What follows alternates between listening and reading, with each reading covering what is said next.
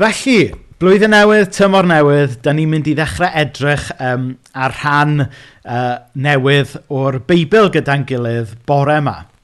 A dwi wedi enwi y gyfres yma da ni'n mynd i wneud tymor yma yn rhwng Bethlehem a'r Groes. Nawr, mae'r ma term yna'n gyfarwydd uh, i ni oherwydd bod e'n dod allan o un o gyneuon y band, y Super Rockers o, o Bethesda Celt, a mae yna fersiwn newydd ffantastig hon o fe wedi cael ei recordio y llynedd gan Mared Williams hefyd. So, rhaid chi checio allan y gan rhwng Bethlehem a'r groes a'r, ar Spotify a YouTube ac yn y blaen wedyn.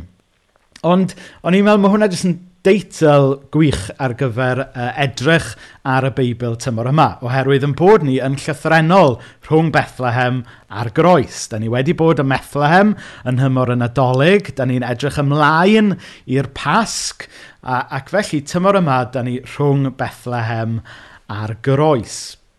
Um, ac o'n i'n meddwl hefyd, mae ma lot o sylw a lot o amser yn cael ei roed um, yn iawn felly i, i fyfyrio dros yn adolyg Iesu Grist yn y cryd, a mae yna lot o sylw hefyd ac yn iawn felly ar Iesu Grist ar y groes um, ac yn atgyfodi. Ond falle bod ni'n gallu esgyluso weithiau bywyd Iesu, yr in-between rhwng Bethlehem a'r groes. Felly, be ni'n mynd i fod yn neud tymor yma, di edrych rhywfaint ar fywyd a dysgeidiaeth Iesu, yn benodol, da ni'n mynd i fod yn edrych ar ddamhegion Iesu gyda'n gilydd. Felly, mi fydda i yn pregethu rhywfaint o negeseuon a bydd um, ffrindiau eraill o Gersalem a tîm arwain Gersalem yn pregethu weithiau hefyd. So, ddameg, uh, da ni'n mynd i edrych arno gyda'n gilydd bore yma ydy dameg yr heiwr. A mae'r darlleniad yn dod o Matthew 13. Y diwrnod hwnnw, aeth Iesu allan ag eistedd ar lan llyn Galilea. Roedd cymaint o dyrfa wedi casglu o'i gwmpas, nes bod rhaid iddo fynd i eistedd mewn cwch, tra oedd y bobl i gyd yn sefyll ar y lan. Roedd yn defnyddio llawer o straeon i rannu ei neges gyda nhw. A'i ffermwr allan i hau had. Wrth iddo wasgaru'r had, dyma beth ohono yn syrthio ar y llwybr, a dyma'r adar yn dod a'i fwyta. Dyma beth o'r had yn syrthio ar dir creigiog, lle doedd ond hain denau o bryd. Tyfodd yn ddigon sydyn, ond yn yr hail, poeth, dyma'r tyfiant yn gwywo. Doedd ganddo ddim gwreiddiau. Yna, dyma beth o'r had yn syrthio i ganol draen, ond tyfodd y draen a thagu'r planhigion. Ond syrthiodd peth o'r had ar y bryd da. Tyfodd cnwd da yno. Beth ohono gangwaith, chwe deg gwaith neu dri deg gwaith mwy na chafodd ei hau. A wedyn, i ni'n neidio i adnod 18. Felly dyma beth ydy ystyr stori'r ffermwr yn hau. Pa mae rhywun yn clywed y neges am y deyrnas a ddim yn deall, mae'r un drwg yn dod ac yn cipio beth gafodd ei hau yn y galon. Dyna'r had ddisgynodd ar y llwybr. Yr had sy'n syrthio ar dir creigiog ydy'r sawl sy'n derbyn y neges yn frwd i ddechrau – Ond dydy'r neges ddim yn gafael yn y person go iawn. Ac felly, dydy e ddim yn para'n hir iawn. Pan mae ergyfwng yn codi, neu wrthwynebiad am ei fod wedi credu, mae'n troi cefn yn ddigon sydyn. Wedyn yr had syrthiodd i ganol draen, ydy'r sawl sy'n clywed y neges. Ond mae'n rhy brysur yn poeni am hyn a'r llall ac yn ceisio gwneud arian. Felly mae'r neges yn cael ei thagu, a does dim ffrwyth i weld yn ei fywyd. Ond yr had sy'n syrthio ar dir da ydy'r sawl sy'n clywed y neges ac yn ei... Mae'r effaith fel cnwd anferth, can gwaith neu chwe deg gwaith neu dri deg gwaith mwy na gafodd ei hau. Wel, byddai'r bendith dew ar i air i ni bore yma. Gewn ni jyst blygu pen mewn gweddi eto cyn bod ni yn mynd i drafod y darn yna o'r Beibl. Wel, y ddiw dad, i ni'n diolch am dy air sanctaidd i ni bore yma. I ni'n gofyn am help yr ysbryd glân nawr wrth i ni geisio deall a cymhwyso a gadael i dy air di siarad mewn i'n bywydau a'n calonau ni bore yma. I ni'n gofyn i'r ysbryd glân uh, wneud rhywbeth yn ymplith ni bore yma, hyd yn oed yn bod ni mewn tai gwahanol ac yn gwylio o lefydd gwahanol. I ni'n un gyda'n gilydd yn dy geisio di a ceisio dy air di bore yma. Amen. Wel, be ydy dameg? Rhai yn dweud mai stori syml yw e sy'n trio dweud rhywbeth mawr. Um, erbyn heddi, i ni yn tueddu weld y damhegion fel rhywbeth sy'n dweud rhywbeth ynglyn â'r bywyd chrysnogol sut i ni fod byw. Ond, Yng nghyfnod Iesu, nid yna oedd y damhegion. Doedden nhw ddim jyst yn rhyw wersi moesegol, ond yn hytrach, oedden nhw'n rhywbeth, oedd yn dweud rhywbeth ynglyn â gwrthrych a sylwedd ffydd i hun. Ac felly mae hwnna'n rhywbeth mae rhaid i ni watcho mas amdano tymor yma. Mae rhaid ni wylio bod ni ddim yn gweld y damhegion jyst fel rhyw fath o gyfrinachau allwn ni ddadgloi er mwyn trio byw y bywyd perffaith. Be ydy'r damhegion yn gyntaf ydy rhywbeth sydd yn pwyntio ni at wrthrych bywyd a ffydd i hun, sef Iesu. Dyna pam yn bod ni fel Cresnogion yn meddwl bod Iesu yn fwy na jyst athro da. Oedd e yn athro da, fe oedd yr athro gorau, ond oedd e yn fwy nag athro. Dyna pam yn bod ni yn credu fod y Beibl yn fwy na jyst rhyw manual ynglyn â sut mae byw bywyd da. Da ni'n credu fod y Beibl yn pwyntio ni at yr un sydd yn datgloi cyfrinachau a bywyd yn ei gyflanrwydd, sef Iesu Grist ei hun. Felly, cyn yn bod ni'n dechrau gweld y damhegion fel rhywbeth ynglyn â'r bywyd chrysnogol, Mae'n bwysig bod ni'n agored i adael i'r damhegion ddweud rhywbeth wrthyn ni ynglyn â gwrthrych y ffydd grisnogol, sef Iesu Grist ei hun. Nawr, cyn bod ni yn mynd yn bellach, na i jyst esbonio pam bod fy llygau di yn crwydro fel hyn. Mae gyda fi nodiadau o fy mlaen i fan hyn, a'r laptop fyna yn rhedeg pethau, a wedyn dych chi fyna. Felly, ymddeheiriadau bod yn llygau di yn mynd yn wyllt weithiau. Anyway, nawr, Pam oedd Iesu yn dysgu trwy ddamhegion? Oedd e'n rhywun oedd yn licio cymlethu pethau jyst er mwyn yn conffiwsio ni? Wel, na. Yn amser y Beibl, mi oedd llawer o athrawon yn dysgu drwy ddefnyddio rheswm ac intelect. Dyna oedd y traddodiad um, helenistaidd, y traddodiad groegaidd yn gwneud. Ac oedd gan y traddodiad yna lot o gryfderau, a da ni yn y byd modern, yn y gorllewin heddiw, yn gynnyrch y traddodiad yna o ddyrchafu rheswm uwch ben pob ffordd arall o ddysgu. Ond y broblem oedd, oedd y bobl gyffredin yn amser Iesu heb dderbyn uh, yr holl addysg yma. Ac felly, oedd Iesu yn trio cyfleu gwirioneddau mawr, cyfrinachau bywyd i'r person cyffredin. Ac un o'r ffurf oedd Iesu'n gwneud hynny oedd drwy ddysgu trwy ddamhegion. Um, nawr, mae lot o'r damhegion i ni heddiw yn ymddangos yn astrus ac yn gymleth iawn. A hynna oherwydd yn bod ni yn byw ffil o flynyddoedd yn ddiwedd arall, mewn cyd-destun diwylliannol gwahanol, cyd-destun syniadol gwahanol. Um, da ni'n byw mewn oes lle mae 67% o bobl ifanc yn meddwl bod llefrith yn dod o Tesco nid o'r ffarm. Ac felly, mae ma lot o gyfrinacher damhegion falle'n cael, e, cael eu cochi arno ni oherwydd bod ni'n byw mewn cyd-destun diwylliannol gwahanol. Ond yn amser Iesu, mi oedd Iesu yn siarad mewn damhegion, yn siarad mewn iaith, yn siarad mewn delweddau y bydde'r person cyffredin yn ei deall yn iawn. A dyna sydd gyda ni yn nameg yr heiwr. Mae gyda ni ddameg sydd ynglyn a rhywbeth o'r byd amaethyddol. Na mae'r ddameg ei hun yn ddigon hawdd yw dilyn a gobeithio bod chi blant yn wrthi'n brysur nawr yn tynnu pedwar llun gwahanol. So mae gyda chi um, rhywun yn hau hadau.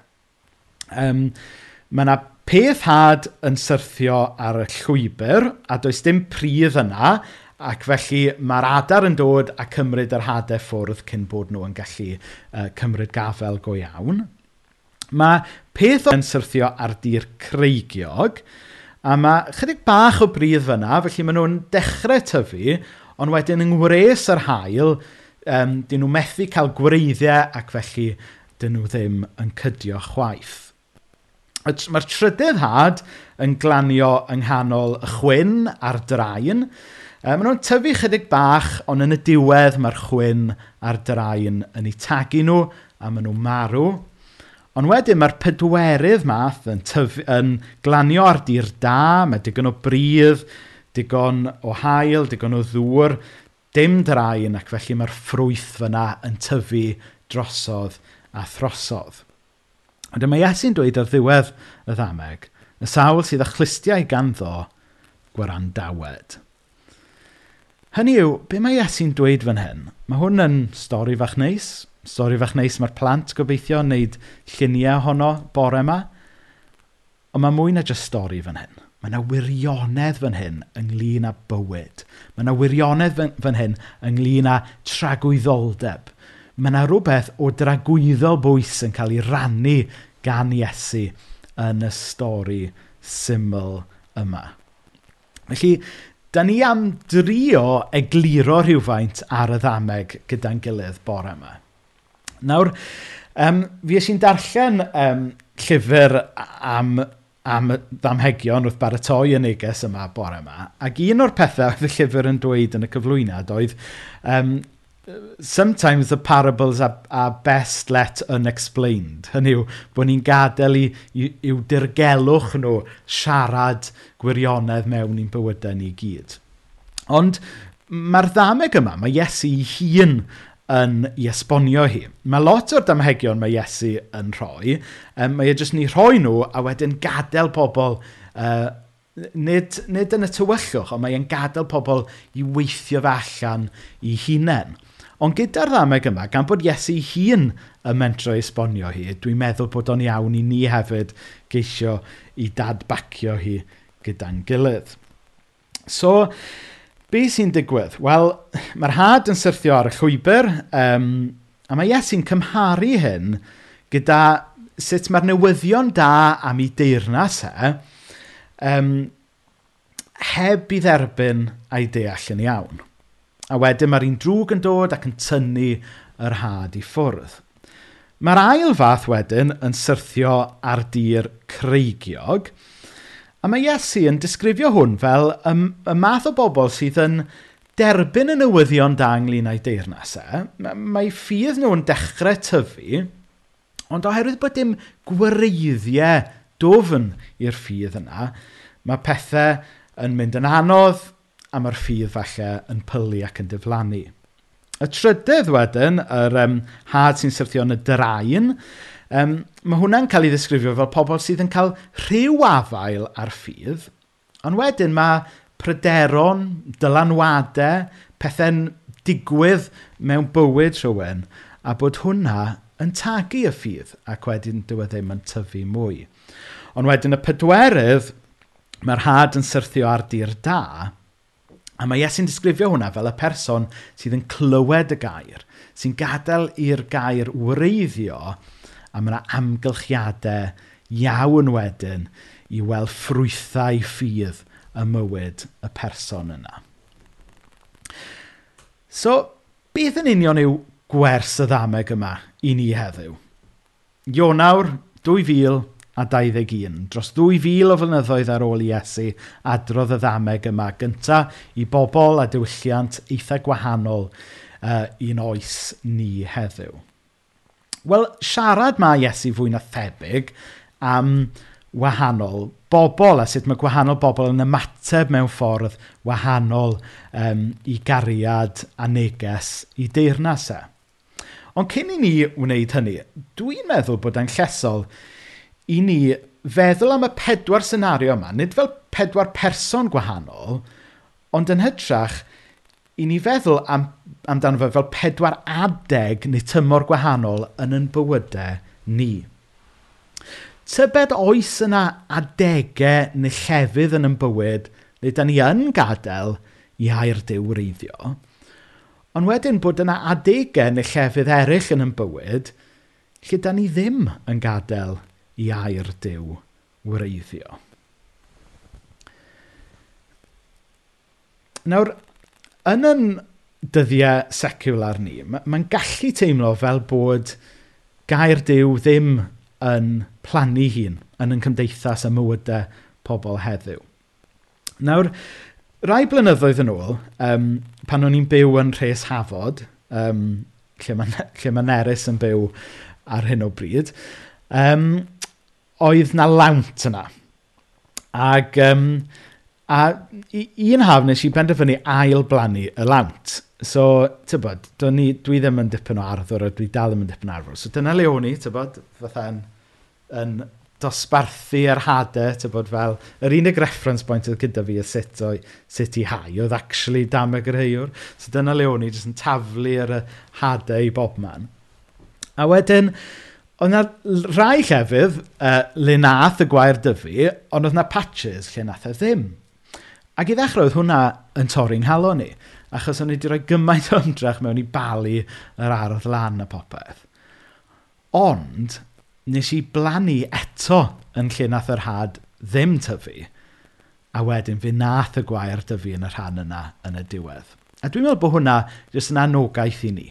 Os ydyn ni'n teimlo fel bod yna, um, bod yna rannau o'n bywyd ni, neu o'n cymdeithas ni, pobl da ni'n adnabod lle da ni'n teimlo falle fod y gair ddim yn gwreiddio, ddim yn cydio, yna ddim eisiau ni ddigaloni. Mae Dyw yn gallu um, parhau i blannu hadau ffydd ym, ym mywyd pobl, a mae e weithiau'n gwneud hwnna heb yn help ni, a heb bod ni yn sylwi.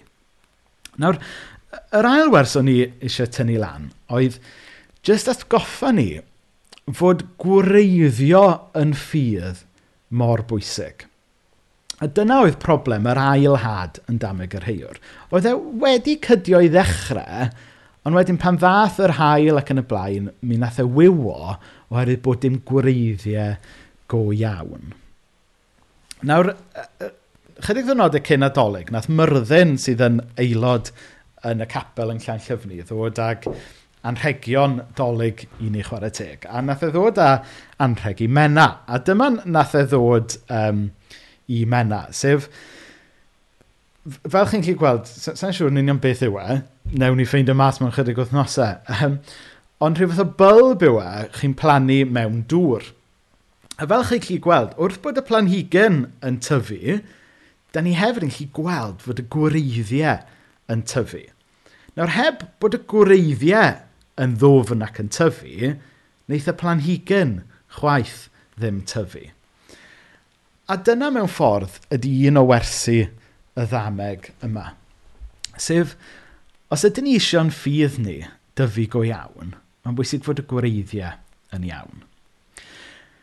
Nawr, fel gweinidog, dwi wedi gweld o'n digwydd y ddau ffordd dwi yn drist iawn dwi wedi gweld ffydd rhai pobl yn simsanu a weithiau'n diflannu yn llwyr falle pa mae amgylchiadau bywyd yn newid, pa mae, pa mae profiadau bywyd yn dod ar eu traws nhw neu prysurdeb bywyd.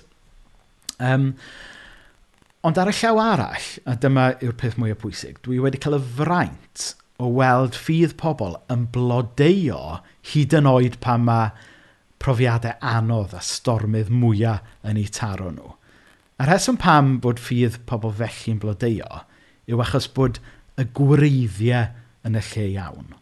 Dydy'r gwreiddiau ddim mewn traddodiad, dydy'r gwreiddiau ddim jyst mewn profiadau ac emosiwn, ond mae'r gwreiddiau yn Iesu Grist ei hun. Popeth ag ydyw Iesu, popeth mae Iesu wedi gyflawni, ac ymherson Iesu. So, mae hwnna yn probably y, y wers bwysica sydd gyda ni bore yma, sef mae cael gwreiddiau mor bwysig i'n bywydau ac i'n ffydd yn arbennig felly ar ddechrau blwyddyn, blwyddyn pwy a wyr be fydd e'n taflu ato ni. Nawr, y trydydd gwers ydy'r un ynglyn â'r hadau sydd yn syrthio yn y draen. Nawr, ni'n ni byw mewn oes lle mae cant a mil o bethau yn mynd yn sylw ni, yn trio dylanwadu arno ni. A mae'n hawdd iawn i ni adael i'r pethau yma gymryd drosto. A dyna mewn gwirionedd ydy'r draen yn y ddameg yma. Da ni'n gallu cael hadyn ffydd yn Iesu go iawn. Ond mae mor hawdd i ddraen dyfu yn ein bywyd ni. Pethau eraill mynd yn sylw, pethau eraill mynd yn hamser anhegni ni. Nawr, dwi am fynd â chi nôl unwaith eto i'n hen dyn ni yn rhes hafod. Um, yn y tîle oedd yn ei arfer byw, mi oedd yna lot o rosod yn tyfu yn yr ardd gefn. Nawr, dwi'n meddwl fod rhosod yn rodd gan ddew. Rhodd gan ddew i esbonio beth ydy pechod. Achos maen nhw'n edrych yn hardd Nhw'n edrych yn hardd yn y siop, yn mewn lluniau. Nhw'n edrych yn, yn hardd yn y Chelsea Flower Show. So chi'n meddwl, o, oh, dyna neis, neu blannu rhai yn fy ngardd i. Ond wedyn, wow, maen nhw'n tyfu i bob man. Maen nhw'n tyfu trwy popeth.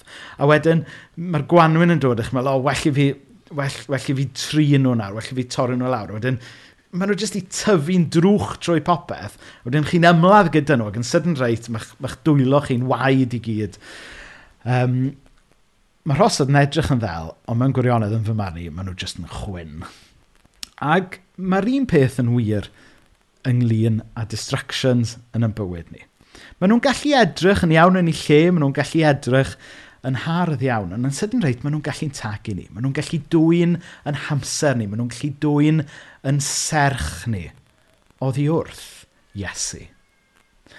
A wedyn mae hwnna'n arwain ni at yr un olaf, sef yr had sydd yn dwy'n ffrwyth drosodd a throsodd. Ac yn adnod 23, i ni'n cael clywed am nodweddion y person le mae had teirnas ddew wedi wedi plannu go iawn. Mae'n dweud fod yn berson sydd yn clywed y gair. Ydyn ni yn berson sydd yn clywed y gair. Ydyn ni yn rhoi digon o amser a tawelwch yn yn bywyd i glywed Dyw yn siarad gyda ni. Yn ail, mae'n berson sydd yn deall y gair. Un peth ydy clywed y gair, rhywbeth arall, ydy deall y gair. Ydyn ni yn ymroi i ddysgu um, gair dew gyda'n gilydd. Dyna dyn ni'n neud yma uh, ar ddisil gyda'n gilydd, dyna dyn ni'n neud yn y grwpiau cymuned, a dyna ddylen ni fod yn chwilio am amser i wneud ar ben yn hunain hefyd. Achos mae yna wahaniaeth bwysig yn does rhwng jyst clywed gair dew a deall gair dew. Um, un peth ydy gwybod fod tomato'n ffrwyth, rhywbeth arall ydy gwybod i beidio roi e mewn ffrwt salad.